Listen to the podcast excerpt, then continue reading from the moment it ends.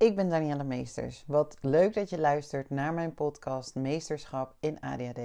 De podcast voor ambitieuze mensen met ADHD die meer willen weten over hoe het ook anders kan omgaan met je ADD of ADHD. En daarmee bedoel ik op een holistische manier, vanuit mogelijkheden. Wat kan er allemaal wel en hoe kun jij jouw ADHD zelfs inzetten als je kracht? Om het makkelijk te maken gebruik ik ADHD voor alle drie de typen. ADHD, hoe die vandaag de dag ook gediagnosticeerd worden. Dus zowel ADHD als wat voorheen ADD genoemd werd, als gecombineerd type benoem ik gewoon voor het gemak allemaal ADHD.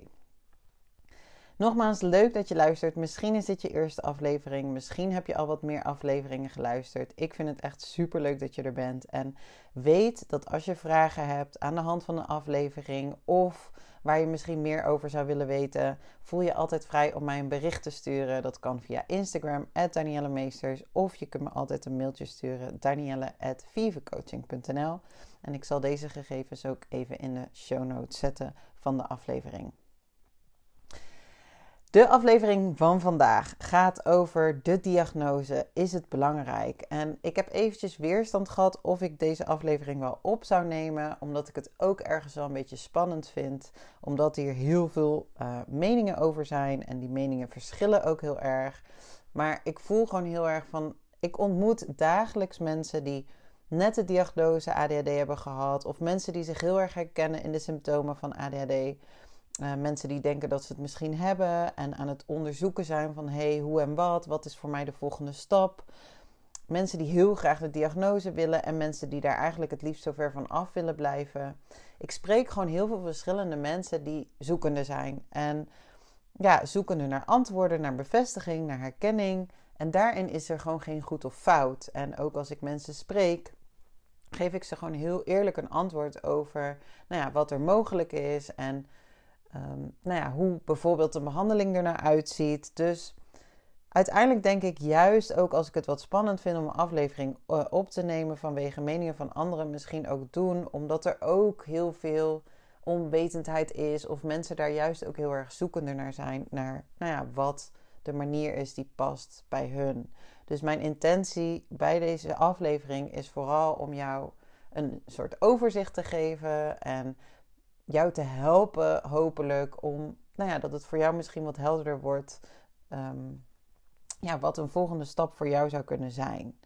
En laat ik vooropstellen dat deze aflevering gebaseerd is op mijn eigen persoonlijke ervaring en de ervaring die ik zelf in de praktijk heb met mensen die contact opnemen.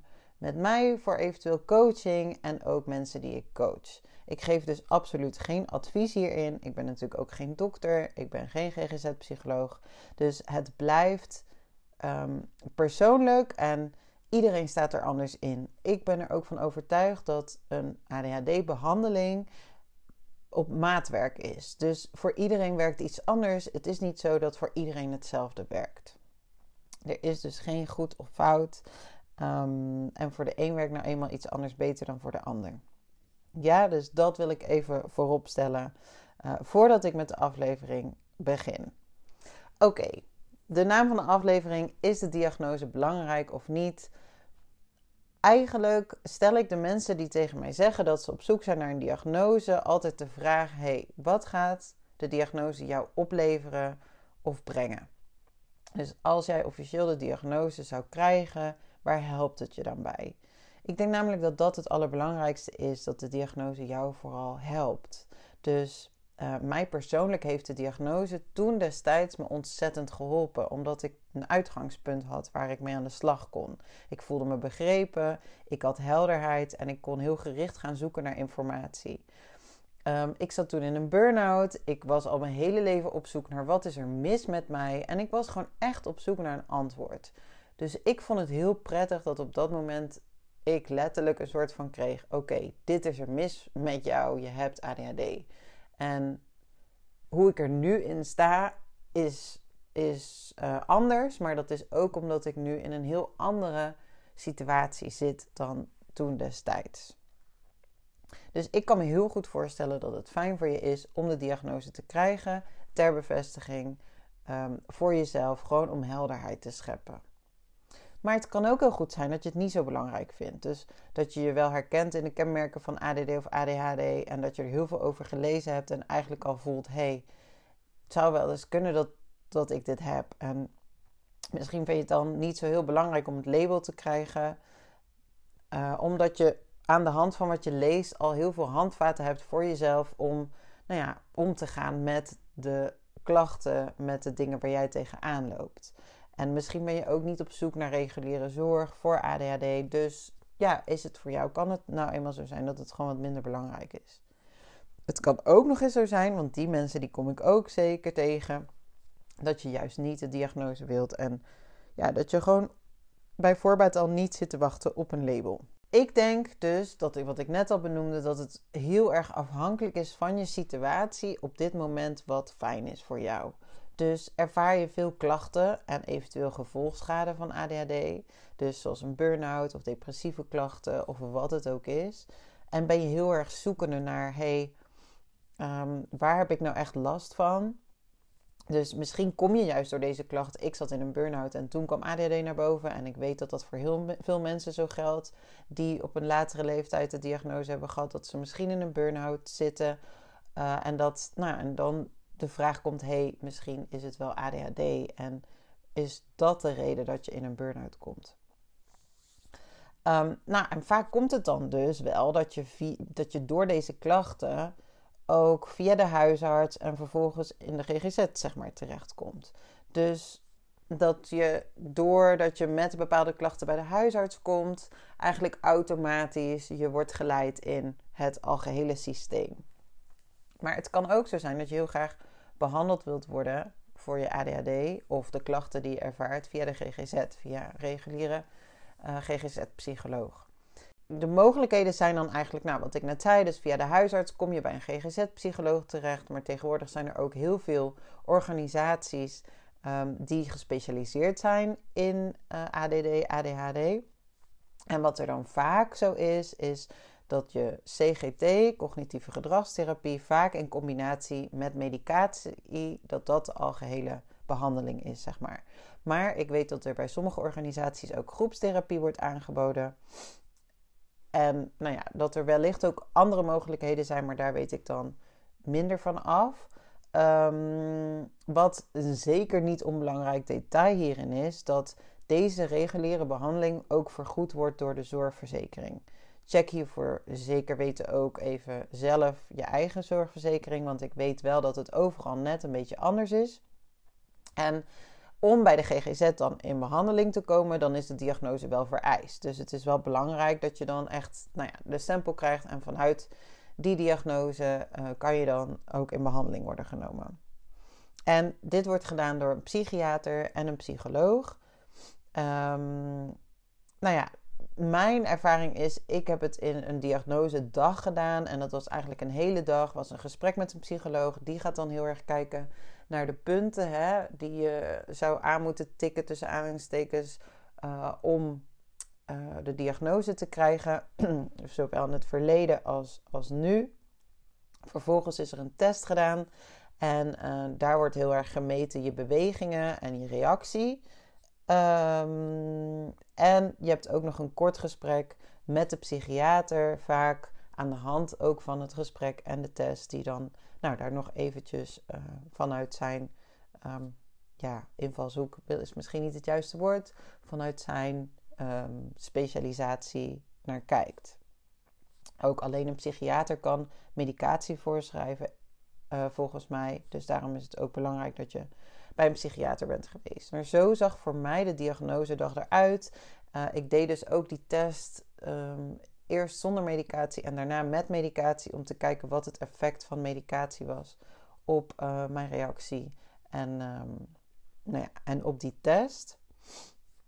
Um, wat ik wel weet is dat de wachtlijsten op dit moment echt erg lang zijn en dat zelfs organisaties zijn die een tijdelijke stop hebben op het aannemen van nieuwe cliënten. Dus nou ja, dat is helaas wel hoe de realiteit is op dit moment bij de GGZ. En wat natuurlijk nou ja, onwijs uh, eh, KUT is. Vooral als je in een situatie zit waar je eigenlijk voelt: ik heb zo snel mogelijk hulp nodig. En weet je, de behandeling via je verzekering kan ook gewoon zijn omdat dat de enige mogelijkheid financieel is die je hebt. Dus ehm, ja, dan is het gewoon extra ehm, ja, kwalijk dat op het moment de wachtlijsten zo lang zijn en gewoon heel vervelend dat er dan op korte termijn geen behandeling via de, ehm, ja, via de GGZ, via de verzekering mogelijk is. Maar goed, daar kan ik natuurlijk persoonlijk niks aan doen. Um, mocht je andere dingen, manieren of mogelijkheden weten, laat het dan vooral ook weten, zodat ik het ook kan delen met andere mensen. Um, maar mocht je dit graag willen, dan zijn bepaalde organisaties, daar kan je misschien alvast een kijkje nemen. ADHD Centraal bijvoorbeeld, PsyQ, dat is PSYQ. En Dr. Bosman, dat zijn de grootste die ik ken. Daar zou je eens op kunnen googlen. En ik zou ook wel de websites van deze uh, in de show notes zetten. Dus als jouw situatie is dat je gewoon ontzettend veel last hebt en nou, dat je echt voelt, ik heb iemand nodig, um, ja, omdat ik gewoon niet kan functioneren of slecht functioneer op dit moment. Um, als je in die situatie zit dat je heel graag een antwoord wil, dat je heel graag ja, ergens gewoon um, een soort van grip op wil hebben, dan denk ik dat ja, dat misschien het reguliere stukje via de GGZ voor jou ehm, een goede manier zou zijn. Maar het kan ook zo zijn dat je nog best wel goed kunt functioneren, of in ieder geval redelijk, in het dagelijkse leven, in je werk, in je studie, thuissituatie, financieel. Dat je voelt, nou ja, op zich loopt het wel, maar ja, ik merk wel dat er bepaalde klachten zijn of bepaalde patronen waar ik constant tegenaan loop. En wat me eigenlijk heel veel energie kost, waar ik mijn hele leven al last van heb. Dat ik me echt heel erg aanpas aan mijn omgeving. Dat ik niet voel wie ben ik nou. Um, dat ik dingen blijf uitstellen. Dat ik maar niet aan bepaalde dingen toekom. Hè? De, de, de dingen waar je in herkent van ADHD. En nou ja, dat je daar gewoon heel erg in herkent het kan zijn dat de diagnose voor jou minder belangrijk is, maar dat het wel fijn is om ADHD als uitgangspunt te hebben. Om dan vervolgens te gaan kijken: oké, welke manier werkt voor mij en wat kan ik hiermee? Dus dat je wel graag aan de slag wil en dat niet zoveel uitmaakt of je nou wel of niet de diagnose hebt. Ja, dan heb je ook niet officieel de diagnose ADHD. Misschien heb je dan ook helemaal niet per se ADHD, maar uiteindelijk is ADHD ook een soort van verzamelnaam of een label voor een groep symptomen. En officieel zou je dan bijvoorbeeld uh, minstens 7 van de 10 symptomen uh, aan moeten tikken. En dan zit er ook nog een verschil tussen ADD, ADHD en het gecombineerde type natuurlijk. Maar als jij je al herkent in heel veel van die symptomen en daar last van ervaart en je merkt dat je heel veel herkenning vindt in wat je leest over ADHD en dat je voelt, hé, hey, hier kan ik wat mee. Ja, wat houdt je dan tegen om daar dan ook iets ja, mee te doen? Het kan ook zo zijn dat je juist al heel veel verschillende therapieën hebt gehad. Dat je, dat je al CGT, dus cognitieve gedragstherapie, hebt gehad. En ja, dat je juist eigenlijk op zoek bent naar een andere weg, omdat de reguliere weg voor jou niet werkt of niet meer werkt. Mijn persoonlijke ervaring is dat ik heb best wel veel therapieën gehad. En ja, ik was heel erg blij met de diagnose. De CGT was op zich was fijn op dat moment. Maar goed, na die twaalf weken is het ook weer voorbij. Hè? Dus dan is het van oké, veel plezier en succes. Maar ik voelde ook dat ik nog niet helemaal klaar ervoor was. En mijn ervaring is dat er toch gewoon heel veel uit wordt gaan van het probleem. En dat de aandacht heel erg gaat naar het probleem. Wat is er mis? En nou ja, hoe je dat dan op kunt lossen. Vaak is dat gewoon minder aan bod. Dus er wordt wel heel erg praktisch gekeken bij CGT naar uh, bepaalde handvatten en tools. Alleen, ja, soms ga je dat nog steeds op een bepaalde ja, energie doen. En ligt de nadruk dan toch wel heel erg op hoe kan jij je aanpassen om toch mee te kunnen, zeg maar, met, met de rest, met het systeem. En ja, zit je dan toch heel erg in ADHD is een stoornis, is een belemmering. En ik liep op een gegeven moment tegenaan van ja, maar ik wil verder, weet je. En nu wil ik gewoon vooruit. En ik wil niet zo blijven steken in, in dat wat mijn probleem is. Want ik wil het niet alleen zien als een belemmering wat je aandacht geeft groeit. Dus ik wilde ook niet de aandacht blijven geven aan het, aan het negatieve. Ehm, je vergroot dan misschien ook ergens het probleem. En dat is lang niet altijd helpend. Um, bovendien werkt de medicatie niet voor mij. Dus het kan zijn dat medicatie heel goed voor je werkt. Hè? En voor mij was dat niet het geval. Dus persoonlijk voelde ik ook, ik wil niet de rest van mijn leven medicatie slikken. En de CGT en medicatie zitten toch heel erg op symptoombestrijding. Dus heel erg naar die symptomen die kenmerkend zijn voor ADHD. Die worden ja, verholpen door medicatie en de gedragstherapie. Wat wel betekent dat als je puur en alleen naar symptoombestrijding kijkt en jij stopt bijvoorbeeld met medicatie of met een bepaald gedrag hè, wat je zelf hebt aangeleerd, dan komen de klachten net zo hard weer terug. Dus, um, nou ja, ik zat in ieder geval op het punt dat ik heel veel therapie had gedaan en op een gegeven moment voelde: oké, nu wil ik verder, ik wil het anders. En ging ik heel erg kijken naar ehm, mijn leefstijl en naar het op een andere manier op te lossen. Uh, dus ik wilde er ook gewoon meer lucht aan geven en het niet zo zwaar maken. Dus het kan zomaar zijn dat het ook voor jou geldt van ik heb al heel veel ervaring met therapieën. Ik heb zelfs al specifiek met cognitief gedragstherapie. En ja, nu wil ik eigenlijk kijken naar het volgende.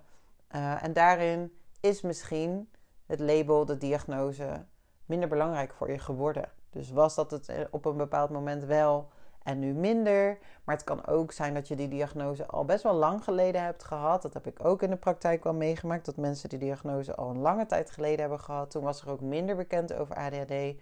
Waren de behandelingen ook anders. En ja, is er dan toch al een bepaalde onwetendheid bij mensen die bij mij in de praktijk zitten en zeggen: Oh, maar is dit ook mijn ADHD? Dus ja, dan is eigenlijk, heb je in het verleden het label gehad en is het niet helpend, omdat je dan eigenlijk nog niet de volledige informatie hebt gehad van wat is het nou eigenlijk. Dus wat ik net al een beetje benoemde, ik herken me eigenlijk een beetje in, in alles wat ik nu vertel. Dus in dat het heel fijn is om de diagnose te hebben. Ik herken me ook in het stuk van hey, ik functioneer eigenlijk best wel goed en het is voor mij minder belangrijk of ik het label nou wel of niet heb. Ik ben gewoon ik.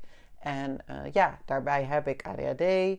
Maar het het was voor mij niet meer zo heel leidend in mijn leven. Dat is het nu ook niet meer echt. Ja, ik heb de klachten, alleen um, ja, ik zie nu voornamelijk, ik ben gewoon ik. Ik herken me in de klachten. Ik weet nu hoe ik ermee om uh, kan gaan. En ik ervaar ook veel minder last.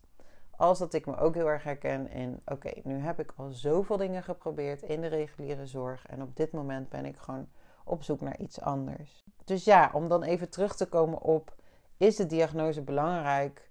Dat is eerlijk gezegd eigenlijk geheel afhankelijk van jezelf.